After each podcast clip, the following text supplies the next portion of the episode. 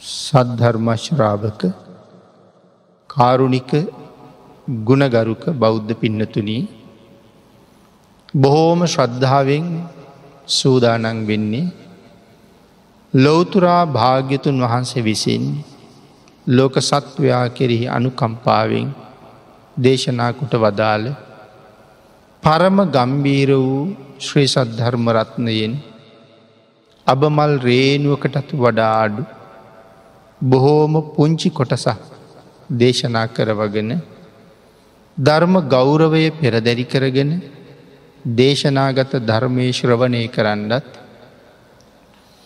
එසේ ධර්ම ශ්‍රවණය කිරීමෙන් ලැබෙන අවවාද අනුශාසනා ජීවිතවලට එකතු කරගෙන වඩාත් නිවැරදිව මෙලව ජීවිතයක් සකස් කරගන්නත් ඒ තුළින් සුගතිගාමී වූ පරලොවා අයිති භවයකින් සැනසෙන්ඩත් අවසන ප්‍රාර්ථනා කරන බෝධියෙන් අමාමහනිවනින් සැනසෙන්ඩත් මේ කුසල ධර්මයන් හේතුවේවා කියන ප්‍රාර්ථනාව ඇතුවයි ධර්මශ්‍රවනය කරන්න සූදානන් වේ.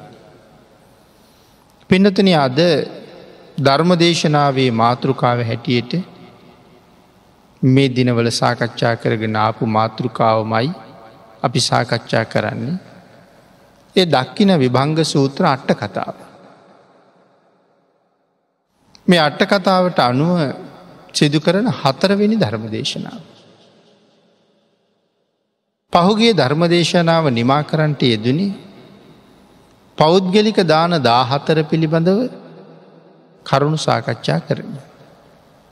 අපි සිහිපත් කළා මේ පෞද්ගලික දාන දාහතර ත්‍රිපිටකේ ලැයිස්තු ගත කරනකොට භාග්‍යතුන් වහන්සේට පිළිගන්වන පෞද්ගලික දානය ඉඳලා පල්ල හැට තමයි සඳහන් කරන්න ඕන.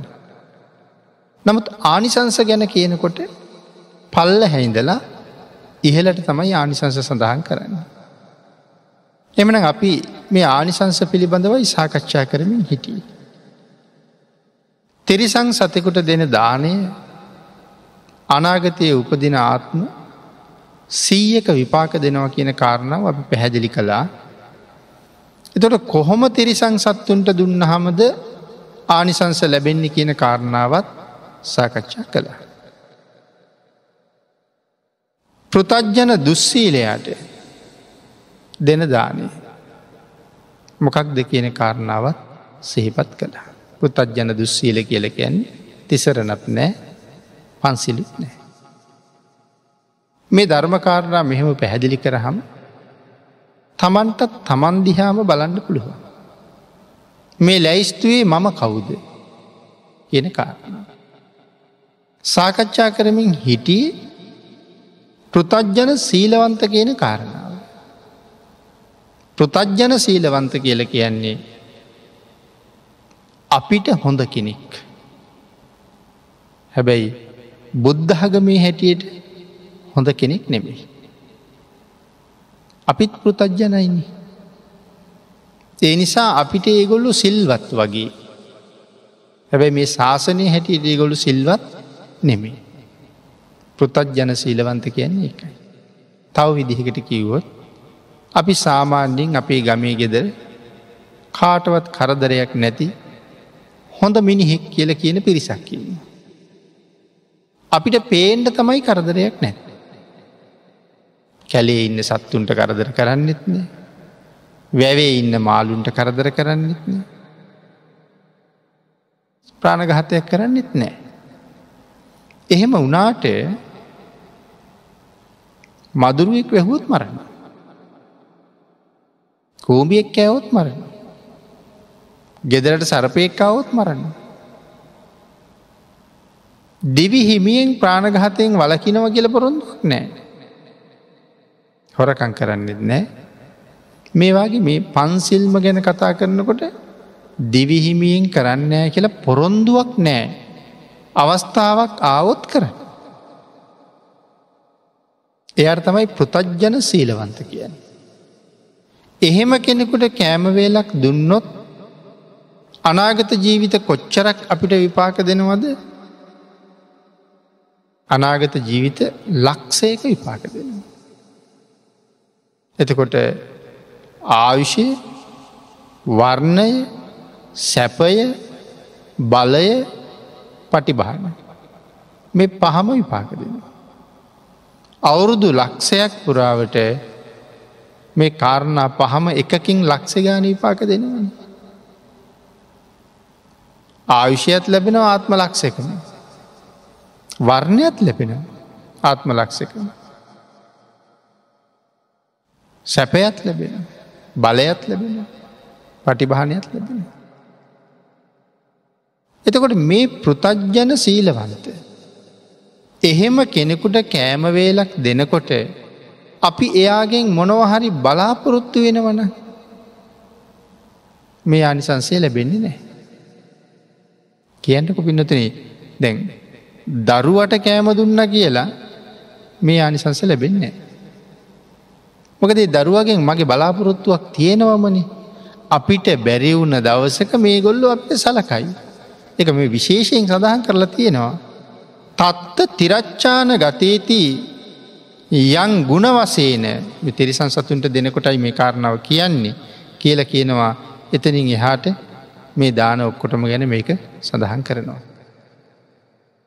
ගුණ වශයෙන් ගුණේ ගැන සලකලා දෙනවනම් උපකාරගසේන උපකාරය ගැන සලකලා දෙනවනම් පෝසනත් අන්දින්නං ඉදං නගහිතන් ගුණ වශයෙන් උපකාර වශයෙන් පෝෂණය වශයෙන් හරි ගෙදර ඉන්න සතාට දුන්න කියලා ආනිසංස ලැබෙන්නේ නෑ කියල කියන. එතකොට පින්නති ඒ කාරණාව එතනින් එහාට පැහැදිලි කරලා තියෙනවා අනිත් දානවල ආනිසංසත් දේශනා කරලා තියෙන්නේ මෙන්න මේ ක්‍රමයටම තමයි කියලා. ඒ නිසා දැන් ගෙදර ඉන්න දරුවට අපි ආහාර දුන්න කියලා. අපිට ඒ ආනිසංසය ලැබෙන්නෑ මොකද වයසට ගියහම මේ ගොල්ලු අපිව බලාගනී අපිට සලකයි කියන බලාපොරොත්තුවක් අපි ගාව තියෙනවා.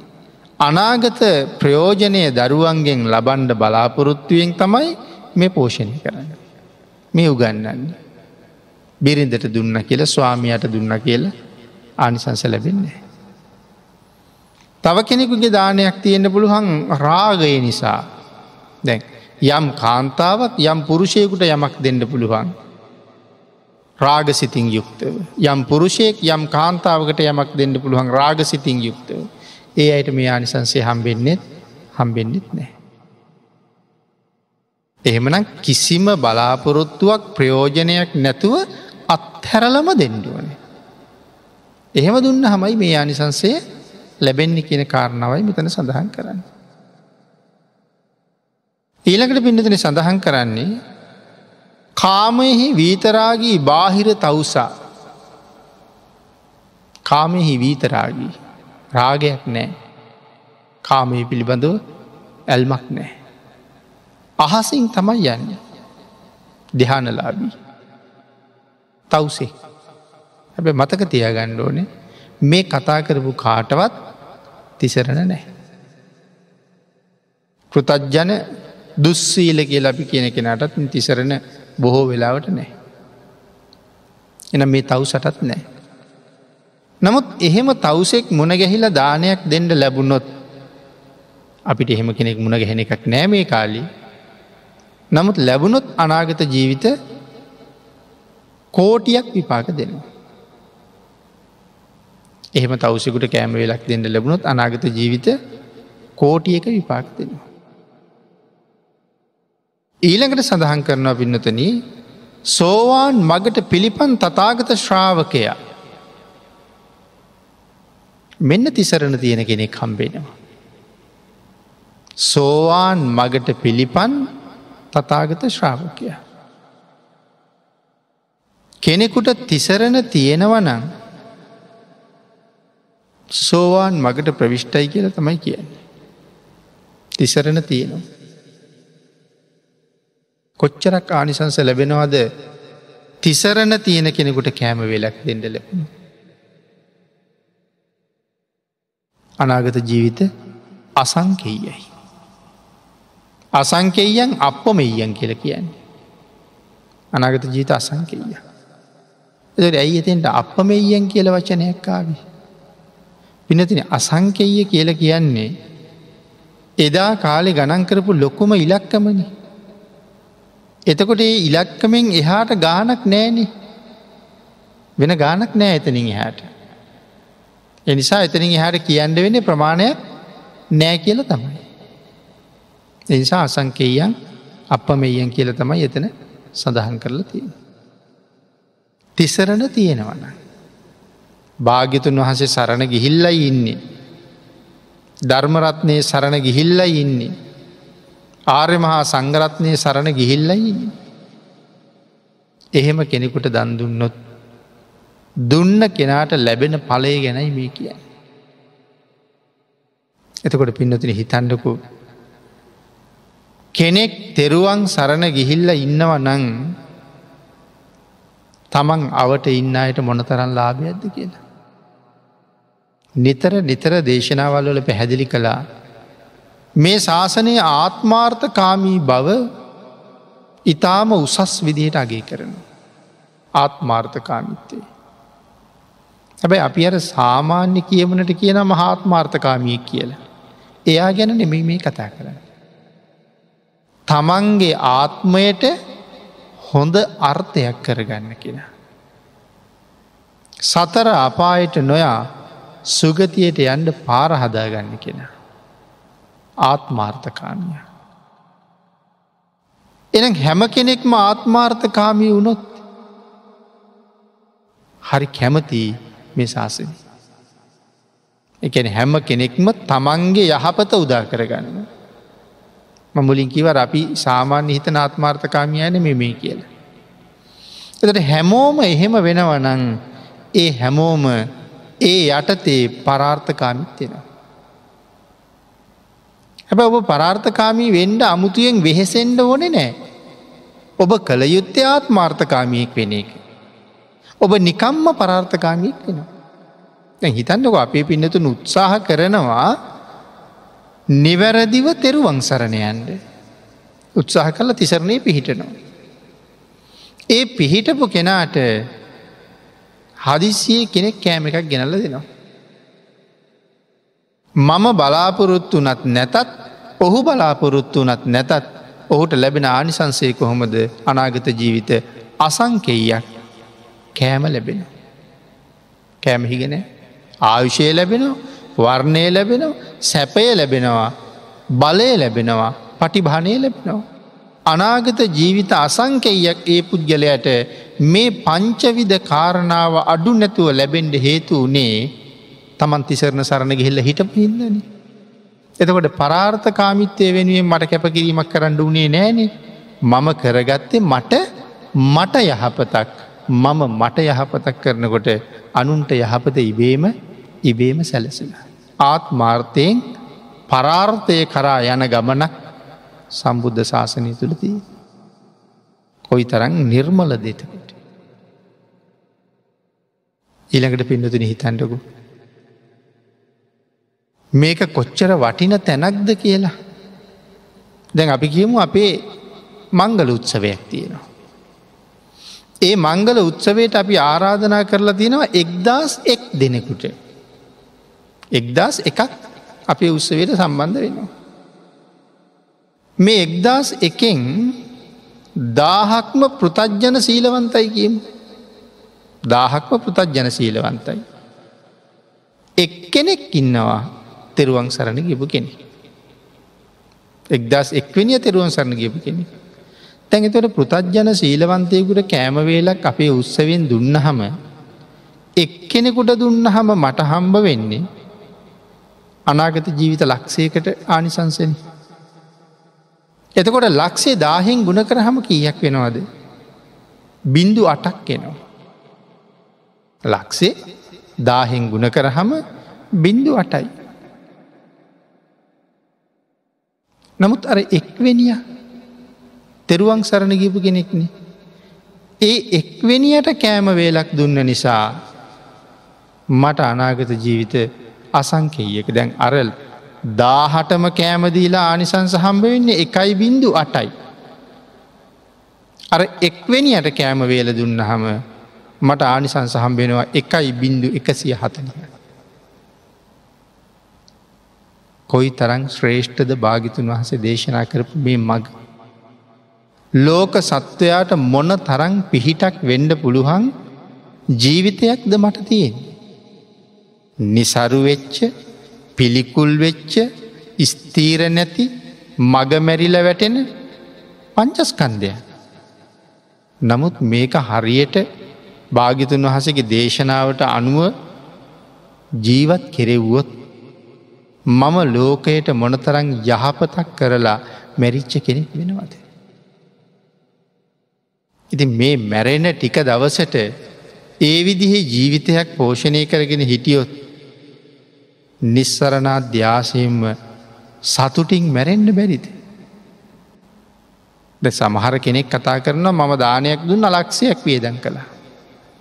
මම දානයක් දුන්න පනස්දාහක් වියදන් කළා.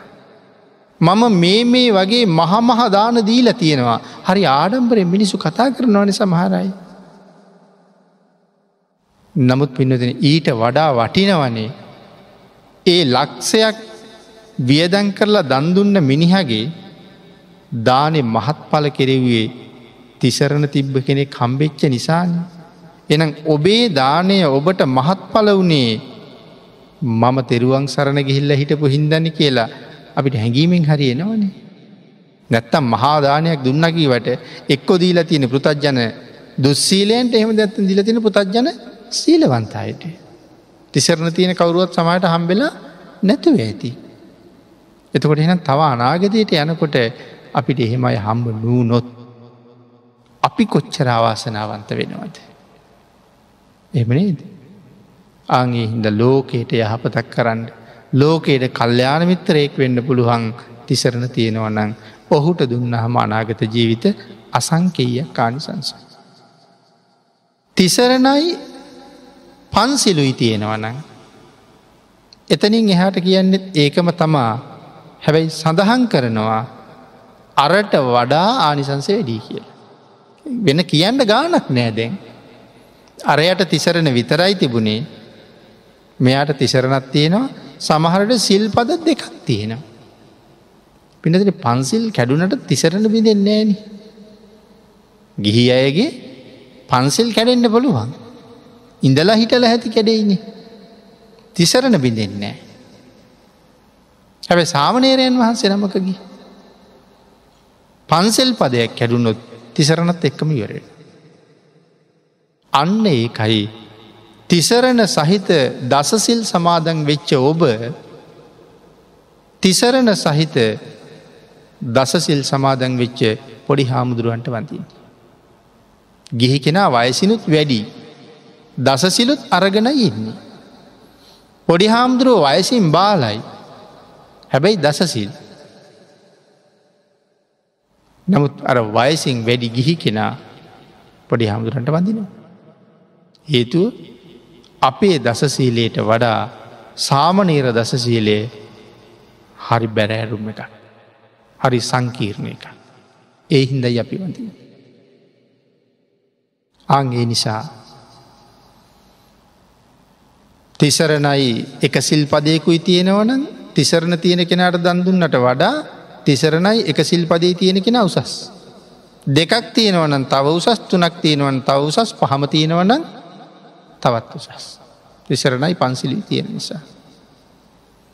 ඊළඟට පින්නතින මෙතන සඳහන් කරන්නේ සෝවාන් ආරයන් වහන්සේන. සෝවා නාරයන් වහන්සේ ගැන කතා කරන්න ඉස්සරල මෙතන අට්ට කතාව කතා කරනවා. තිසරණ සහිත පන්සිල් තියෙන කෙනා තිසරණ සහිත දස සිල් තියෙන කෙනා. තිසරණ සහිත සාමනේර සිල් තියෙන කෙනා ඊටත් වඩා උසස්. තිසරණ සහිත උපසම්පදා සිල් තියෙන කෙනා ඊටත් වඩා උසස්. උපසම්පදා වෙලත් වත්ත සම්පූර්ණක භික්‍ෂුව. වත්ත සම්පූ චුල්ල වග මහාවග්ග පාලී භික්‍ෂූන් වහන්සේලා විසින් සම්පූර්ණ කරයුතු වත් පිළිවෙත් ගැන සඳහන් කරලා තියෙනවා. මහන වෙලා විතරක්ම හිටියට මදී වතත් සම්පූර්ණ කරන්න ඕනේ. පැවිදි වෙලා භාවනාම කලා විතරක් මදී වතත් සම්පූර්ණ කරන්න ඕනේ.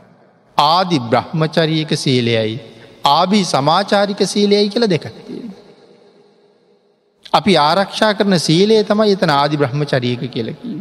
ආබි සමාචාරික කියලකිවේ භාගිතුන් වහස දේශනා කරපු වත් පිළිවෙත් කොටසක්තිය.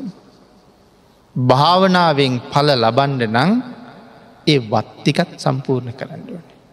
එනම් උපසම්පදා සීලේ තියෙන කෙනා තවත් උතුම් උපසම්පදා වෙලා නිවැරදිව වතත් සම්පූර්ණ කරනවනම් එයාට දෙන දානේ අරට වඩා උතු. වතත් සම්පූර්ණ කරන අතර උන්වහසේ විදර්ශනාවත් වඩනවනං වත් සම්පූර්ණ කරන භික්‍ෂුවට දුන්නට වඩා උතුම්. එවන් භික්‍ෂුවට දුන්නහම විදර්ශනා ඥාන මට්ටමට එක දියුණු කරලා තියෙනවනං තවත්තුතු. එහෙමනම් ඊළඟට සෝවාන් මාර්ගයට ආපු කෙනා. මේ කතා කරන සෝවන් මාර්ගයට ආපුය ගැන තමයි ඊළකට කතා කරන්නේ සෝවාන් වහන්සේට දුන්න දානේ සීමාවක් නෑ. අතන ඉදලම සීමාවක් නෑ කතා කරන්නට. ඉතින් සෝවාන් වෙලා සකදාගාමි වීම සඳහා උත්සාහ දරමින් නං ඉන්නේ. සෝවාන් වහන්සේට දුන්න දානයට වඩා සකුෘදාගාමි වීම සඳහා උත්සාහ කරන උත්තමයට දෙන දානය යුතු. ඒ උත්සාහ කරන උත්තමයට දෙනවට වඩා සක්‍රෘදාගාමීන් වහන්සේට දෙන දානය යුතු. සක්‍රෘදාගාමීන් වහන්සේට වඩා අනාගාමී වීමේ මගට බැහැල ඉන්න කෙනට දෙන දානය තවත් යුතු. අනාගාමින් වහන්සට දෙන දානීට වඩාවතු. අනාගාමී වෙලා නතර වෙලා ඉන්න කෙනට නෙමෙයි අනාගාමී වෙලා රහත්වීම සඳහා වීරිය කරන කෙනට දෙන දානය අනාගාමින් වහන්සේට දෙන දානයට වඩා උතුම් ඊට වඩා උතුම් රහතන් වහසර දෙන දානය. එනම් රහතන් වහන්සේයි පසේ බුදුරජාණන් වහන්සේ සම්මා සම්බුදුරජාණන් වහන්සේ මේ තුන් දෙනා වහන්සේට දෙන දානය මේ ශාසනයේ පරම දක්කිනේ යයි කෙන කියන. රාතන් වහන්සේකින් පල් හැට දෙන දානය පරම දක්කිනය කියන්නේ නෑ බුදු පසේ බුදු මහරහතන් වහසල තුන් නමට දෙන දානය පරම දක්කිනේ යැයි. ආනිසංස කියනකොට රහතන් වහසට දෙන දානයට වඩා පසේ බුදුරජාණන් වහසට දෙන දානයේ උතුම් පසේ බුදුරජාණන් වහන්සේට වඩා ලොවතුරා බුදුරජාණන් වහසට දෙන දානයේ සීමාවක් මායිම පලයක් ප්‍රමාණයක් කතා කරන්න හැකියාවක් ඇත්තෙම නෑ. පසේ බුදුරජාණන් වහන්සේටත් දෙනවටත් වඩා සිය දහස් ගුණෙන්තු. එනං ලැයිස්තුවට දක්වනකට උඩ ඉඳලා පහලට කියනවා ආනිසංස දේශනා කරනවට පහල ඉඳලා ඉහලට මේක සඳහන් කරනවා කියන කාරණාව පැහැදිලි කරලා තියෙන. ඊට පස්සෙ පින්නතුනී දාන පලය පමණක්ම අදහාගෙන දුන්නොත් තමයි වටින්නේ. වෙන ප්‍රයෝජන බලන්න හැ දාන පලය විතරයි අදහගන්න. එහෙම දුන්නොත් තමයි දානය ඉතාමත් ආනිසංස වැඩි ශ්‍රේෂ්ඨ බවට පත්තියෙන්. ඉළඟට පිඩතුන මෙතන විශේෂයෙන් සඳහන් කරනවා පංචසීලයේ පතිට්ටි තස්ස තතෝ උත්තරි මහප්පලං. දසසීලයේ පතිට්ටි තස්ස තතෝ උත්තරි මහප්පලං. ආදි වශයෙන් කරුණු කාරණා දක්වගෙන දක්වගෙන පැහැදිලි කරනවා. අර අපි මුලින් කතා කරපු කාරණාව පන්සිල්ලොල ඉන්නවන එයාට ආනිසංස වැඩි. දස සිල්තියෙනවන ඊට වඩා වැඩි කියන කාරණාව අට කතාවේ තවත් ගැඹුරට පැහැදිලි කරලා තියෙනවා. ඊළඟට පෙන්නතුන සඳහන් කරනවා තවත් විශේෂ කාරණාවක් මාර්ග සිතේ ඉන්න භික්‍ෂුවකට දන් දෙන්න පුළුවන්ද. සෝවාන් මාර්ගය සෝවාන් පලේ. එතර පලස්තයට දන් දෙන්න පුළුවන්. නමුත් මාර්ගය ඉන්න කෙනට දන් දෙෙන්ට එක ලේසි වැඩක් නෙමේ. සාමාන්‍යෙන් කියන දන් දෙන්න බෑ කියලා. මාර්ගස්තයට දන් දෙෙන්ට බෑ කියල කියන මොකද ඒක චිත්තක්ෂණිකයිනි. මාර්ග ඥානය කියන එක ඒක චිත්තක්ෂණිකයි. මාර්ග ඥානය පහළ වෙනවත් එක්කම සොවන් පලේ ශාක්ෂාත් වෙනවා. එතට ඒක ඒක චිත්තක්ෂණිකයි කියල කියනකොට ඇහි පිල්ලමක් ගහනකොට සිත් කීයක් පහළ වෙනවාද. ඉතින් මේ කාරණාව හැටියට හැබෑවටම දන් දෙෙන්ට දන්දෙන්ට බෑන එතකොට මාර්ගස්තය ඉන්න පුද්ගලයට දන්දෙන්ට බෑ. නමුත් දන්දෙන්ට පුළුවන් වෙන ක්‍රමයක් මේ අට්ටකතාව පැහැදිලි කරන. කොහොම දන් දෙන්නේ කිය එවන් උතුමෙකුට. ප්‍රශ්නයක් අහනවා මාර්ගස්ත කෙනාට දෙන්න දානයක් දෙන්න පුළුහන්ද කියන කාරණාව. සෝවාන් ආර් පලය ශාක්ෂාත් කරන්න මාර්ගයට පිළිපන් කෙනා. ආංගේ මාර්ගයට පිළිපන් කෙනාට දානයක් දෙන්න පුළුහන්ද කියලා ප්‍රශ්නයක් අහනවා. ආම සක්කා පුළුවන් කෙලා අට්ට කතාවේ උත්තරයක් දෙනවා. කොහොමද ඒ සඳහන් කරනවා පින්නතුන මේ ආරද්ධ විපක්ෂක පුද්ගලයා. කවද මේ ආරද්ධ විපස්සක කියල කියන්නේ. පටිපදා ඥාන දස්සන විසුද්ධිය එහෙම නැත්තං විදර්ශනා ඥාන තියෙන පුද්ගලය. ආරද්ධ විපස්සක කියල කියන්නෙත් පටිපදා ඥාන දස්සන විසුද්ධිය තියෙන කෙනා කියල කියන්නෙත් විදර්ශනා ඥාන තියෙන කෙනා කියල කියන්නෙත් එක් කෙනාටම තමා. එහෙමන මෙන්න මේ විදර්ශනා ඥාන තියෙන කෙනා විදර්ශනාව වඩල විදර්ශනා ඥාන දියුණු කරගෙන ඒ විදර්ශනාවෙන්ම පාත්තරෙත් අරගෙන ගමට පිණ්ඩ පාති වඩිම. පාත්‍රා සිවුරු අරගෙන ගමට වඩිනවා යම් ගෙදරකට වැඩම කරලා දොරළඟ හිටගෙන ඉන්නවා. ඒ ඉන්නෙත් විදර්ශනාවෙන්ම තමා. ඉති එතකොට කෙනෙකොට හිතෙන්ට පුළුවන් මේ පාර යන්න පුළුවන්ද විදර්ශනාවෙන්. එහෙම මිතෙන්ට පුළුවන් නමුත් පින්නතනේ ඉතාම සිහි කල්පනාවෙන්ම තම හිඳලතිය. අර සඳහන් කරනවනේ අතීතයේ භික්‍ෂූන් වහන්සේලාට කතා කරන්න ඕන වුණොත් කතා කරන්න තියෙන හොඳම වෙලාව භාවනා කරන වෙලාවයි කියලා. තැන් අපේ කාලිනම් භාවනා කරන වෙලාව කෙනෙක් කතා කරොත් එහෙම එක්කෝ ලොකු ප්‍රශ්නයක් එහෙම නැත්ත කතා කරන්න බෑ. නමුත් කතා කරලා තින භාවනා කරනකොට. ඉතින් කෙනෙක් ඇවිල්ල කතා කරොත් සමහර වෙලාවට කතා කරනවා. හැබැයි අහන ප්‍රශ්නට විතරයි උත්තර දෙන්න. මොකක්කරි ප්‍රශ්නයක් ඇහුවොත් ඉතාම සිහියෙන් ඒ ප්‍රශ්නයට උත්තර දෙනවා. උත්තර දීලා අපහු තමන්ගේ කාරණාව තමයි. තවත් ප්‍රශ්නයක් ඇහුවොත් ඉතාම සිහියෙන් උත්තර දෙනවා අයි වැඩියෙන් වචන කියන්න මොකොවත් යන්නේ නෑ. ඔවු කියල කියන්නොත් ඔවු විතරයි. නෑ කියල කියන්නුන් නෑ විතරයි. ඉද මේ විදර්ශනාවෙන්ම තම අයන්නේ. ගිල්ල ගෙදරක දොරකට හිටගෙන ඉන්න. ඉන්නකොට දායකයෝ පාත්තරය අරගෙන දානි බෙදෙනවා. පිනතින සඳහන් කරනවා. ගෙදර කෙනෙක් පාත්තරය අරගෙන කැඳ සහ කැවිලියාදී ආහාර බෙදන අතර අන්න ඒ වෙලාවේ මේ මාර්ගසිත පහළ වෙන. ඒ විදර්ශනාවෙන්ම ඉන්නේ. එතකොට දැන් පාත්තරය අරගෙන කැඳ සහ කැවිලි බෙදනවා.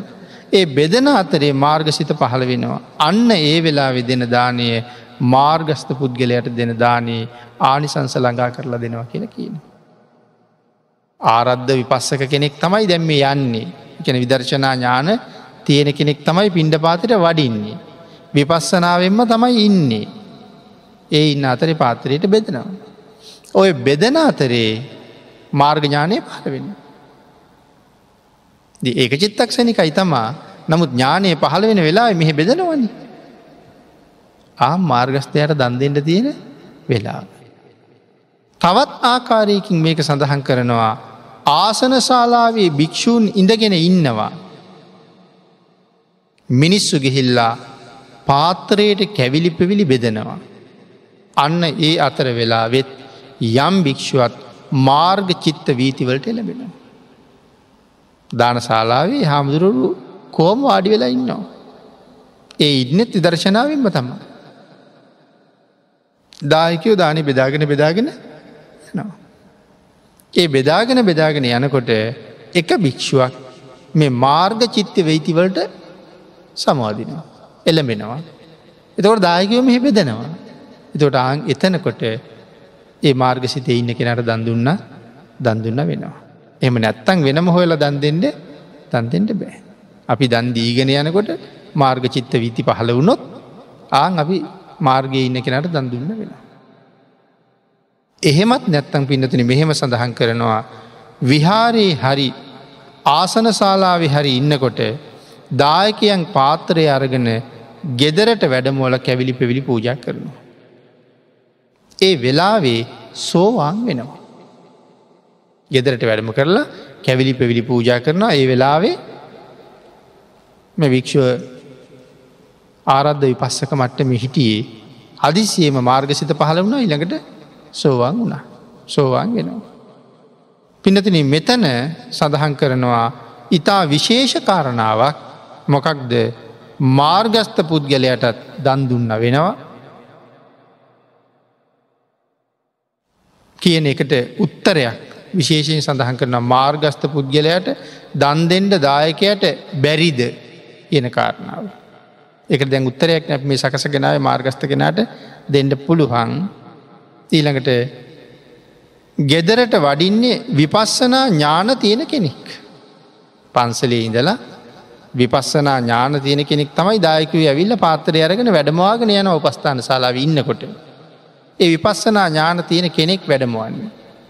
ඊළඟට සඳහන් කරනවා දානෙ බෙදන අතරේ මාර්ගසිත පහළ වෙනවා බෙදලා ඉවර වෙනකොට පලසිතත් පහළ වෙන.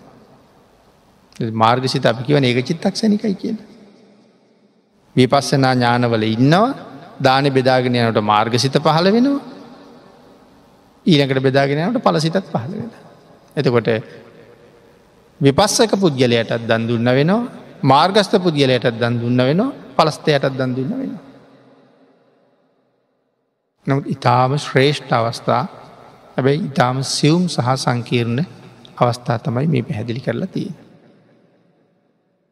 මෙන්න මේ දානය දෙන අවස්ථාව තමයි මාර්ගස්ත කෙනෙකුට දන්දුන් දන් දෙන්න පුළුවන් කියල කියන කියලා අට්ට කතාව සඳහන් කරනවා.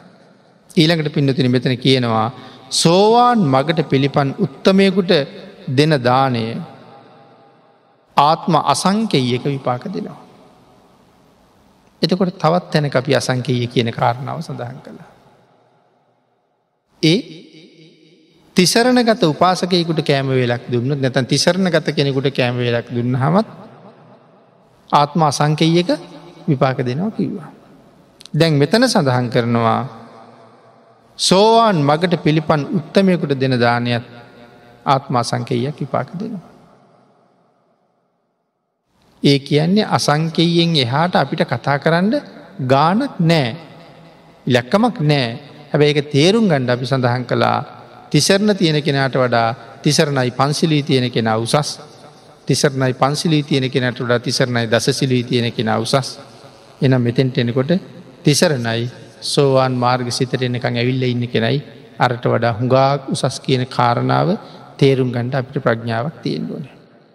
අසංකෙය භාවය ඒක විස්තර කරන්න උදාහරණයක් කියනවා. ගල් පොකුණක ජලය වගේ දකිින්ට කියල කියනවා. සෝවාන් මාර්ග සිත තියෙන කෙනට දුන්න දානයත් අසංකෙයයි කියවන. ඒ අසංකෙය භාවය ගල් පොකුණක ජලය වගේ දකිින්ට කිවා. එතව දැන් පිනති ගල් පොකුණක කියලකි හම ගල් පොකුණක් ඒ තරම්මලොකු නෑනේ ඒ ගල්පොකුණ තියෙන ජලයේ සමහට අපිකම ලීටර දහදාහත් තිබ්බ කියලා. ගල්පොකුණක තියෙන ජලය වගේ දකිින්ට කියනවා. නමුත් ඒ අසංකෙය භාවය මයි සෝතාපත්ති පලස්තයන් වහන්සේට දුන්න දානයේ අසංකෙය භාවිදැන් සෝවාන් පලයට පත්තිච්ච උත්තමයන් වහන්සේට කියන්නේ එහෙමමයි. නමුත් ප්‍රමාණය දක්වනවා මහා ගංගාවන් සහ මහා සමුද්‍රයේ ජලය වගේ දකින්න කියලා. එතකොට දැන් මාර්ගසිතයේ ඉන්න උත්තමයන් වහන්සේට දන්දුන්න හම අසංකීය භාවය ගල්පොකුණක ජලය වගේ. සෝවාන් පලසිතට පත්වෙච්ච උත්තමයන් වහන්සේට දන්දන එක අසංකීය භාවයේ පිරිල ගලන මහා ගංගාවන් සහ මහා සමුද්‍රයේ ජලය වගේ දකිින්ට කියනවා ඒ අසංකේය භාවය. දකොට අසංකෙය එකම තමා නමුත් අර ගුණයේ වෙනස නිසා මහත් පල වෙන හැටි තේරුම් ගණ්ඩ මේ උදාහරණ පැහැදිලි කරලා තියෙනවා. ඊලකට සඳහන් කරනවා අසංකයෙන් එහාට වැඩිවෙන හැටි කියන්න ගානක් නැති නිසයි මෙහෙම මේ පැහැදිලි කර. පිනතින එක තේරුම් ගණ්ඩ තවත් එක උදාහරණයක් අට්ට කතාව දක්වන. කමත අපි පිනතුන් කමත් දන්නවා. ඒ කලි කොළපාගන්න රැහැල හදාගත්ත කමත මෙතන සඳහන් කරනවා. කමතේ තියෙන්නේ මේ මහ පෘතුවියෙන් පස් ප්‍රමාණයයි. කමති තියෙන පස් ප්‍රමාණයයිනි. කමත කියන එක රවුමට හදාගන්නවා මතුපිට ඉඳලා අපි පෘතිවයේ පත්තුලට යනකම්ම කමතේ රවුමට අරංගිය තියෙන පස් ප්‍රමාණයයින්නේ අනික් ප්‍රමාණය පෘතුවී තියෙනවනි. එතකොට මෙතන සඳහන් කරනවා පෘතුවයේ තියෙන පස් ප්‍රමාණය වගේ වෙනස දකිින් ඕන කමතේ තියෙන පස් ප්‍රමාණය යම් ප්‍රමාණයයි. එතකොට මාර්ග සිතේ ඉන්න කෙනෙකුට දුන්න දානය මේ කමතේ තියෙන පස් ප්‍රමාණය වාගේ. අසංකෙයයි කමතේ තියෙන පස් ප්‍රමාණය වාගේ. පලයට ආපු කෙනාට දෙන දාන්නේ අසංකෙය භාවේ මුළු මහ පෘතුවියවාගේ දකිට කියල කියන. මෙන්න මේ උදාහරණ වලින් මාර්ගස්ථයාගේ පලස්තයාගේ දන්දුන්න හම මාර්ගස්ථයාටයි පලස්තයාටයි දන්දුන්න හම අපිට ලැබෙන වෙනස තේරුම් ගණ්ඩ කියලා මේ උදාහරණ පැහැදිලි කරලා තියෙනවා. එතකොට මේ දෙයාකාරයෙන්ම කියලා තිබ්බනි ගල්පොකුණේ ජලය ගැන කීවා ගංගාවල් වල සහ සමුද්‍ර ජලය ගැන කිව්වා. මෙතන කියනවා භූමිය ගැන ජලයෙන් තේරුම් ගන්න කෙනට ජලයෙන් තේරුම් ගණ්ඩ භූමියෙන් තේරුම් ගන්න කෙනට භූමියෙන් තේරුම් ගණ්ඩ ඉතාම පැහැදිලිව මේ විස්තර කරලා තියෙනවා. ඊළඟට පින්නතින අහනවා මේ සූත්‍රය ආරම්භ කළේ ඇයි කියලා. මොන සූත්‍රයේද දක්කින විභංග සූත්‍රය ආරම්භ කළේයි. විසූත්‍රය පටන්ගත්තේ මොකේටද කියල ප්‍රශ්නයක් අහනවා. අල කියනවා හත් තැනක දුන්න දානය හඟවන්න ඕන නිසයි මේ සූත්‍රය ආරම්භ කළේ. දැන් අපි පෞද්ගලික දානය ගැන කතා කලා දාහතර පොලක දුන්න දානය. පෞද්ගලික දාන දාහතරයින්න.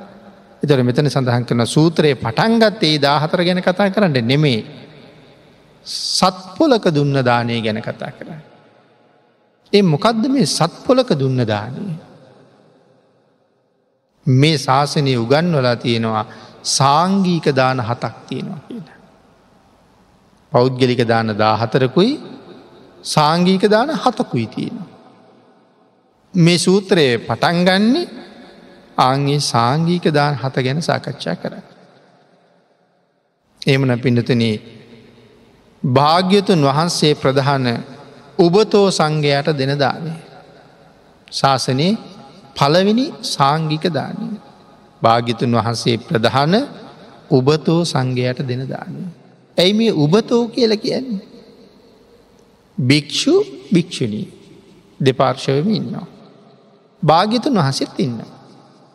භාගිතුන් වහස ප්‍රධානයි උබතෝ සංඝය ඉන්න. එතන සඳහා ඒ කියන්නේ එක පැත්තක භික්‍ෂු සංගරත්නය වැඩඉන්න. අනි පැත්තේ භික්‍ෂුණී සංඝයා වැඩඉන්නවා. මැද්දෙ බුදුරජාණන් වහස වැඩඉන්න. දෙපැත්තටම ප්‍රධානයි. මේ තමයි පින්නතින බුදුරජාණන් වහන්සේ ප්‍රධාන උබතෝ සංගරත්නයට දෙන දානය කියලා සඳහන් කරනවා මෙතන විශේෂයෙන් පැහැදිලි කරනවා මේ දානයට සමකරන්න පුළුවන් දක්කිනෙය භාවයක් තියෙන වෙනත් දානයක් මේ ශාසනීනය කියලා. මේ දානයට සමකරන්න පුළුවන් වෙන දානයක් මේ ලෝකෙ නෑ. දක්කිනේ ය භාවය මේ දානය ඉතාමතු. මොකද භාගිතුන් වහසෙත් වැඩ ඉන්නවා භික්‍ෂු සංගයත් වැඩ ඉන්නවා භික්‍ෂුණී සංගයත් වැඩ ඉන්නවා. ඊළඟට පින්නතන සඳහන් කරනවා භාග්‍යතුන් වහන්සේ පිරිනිවම් පෑවට පස්සේ උබතෝ සංගරත්නයට දෙන දානය මෙම දානය තරම් පරම දක්කිනය වෙන්නේ නෑ. බුදුරජාණන් වහසේ පිරිනිවම් පාලා. ඒත් උබතෝ සංඝයට දන් දෙන්න පුළුවන් හැබැයි බුද්ධ ප්‍රමුඛනෙමේ. පලෙන් දානය එහෙමනි බුද්ධ ප්‍රමුඛ උබතෝ සංඝය. දැම් භාගිතුන් වහස පිරිනිවම් පාලා උබතෝ සංඝයට දෙන්න පුළුවන් භික්‍ෂූන්ට භික්‍ෂුණීන්ට දෙන්න පුළුවන්. නොත් භාගිතුන් හස නෑ.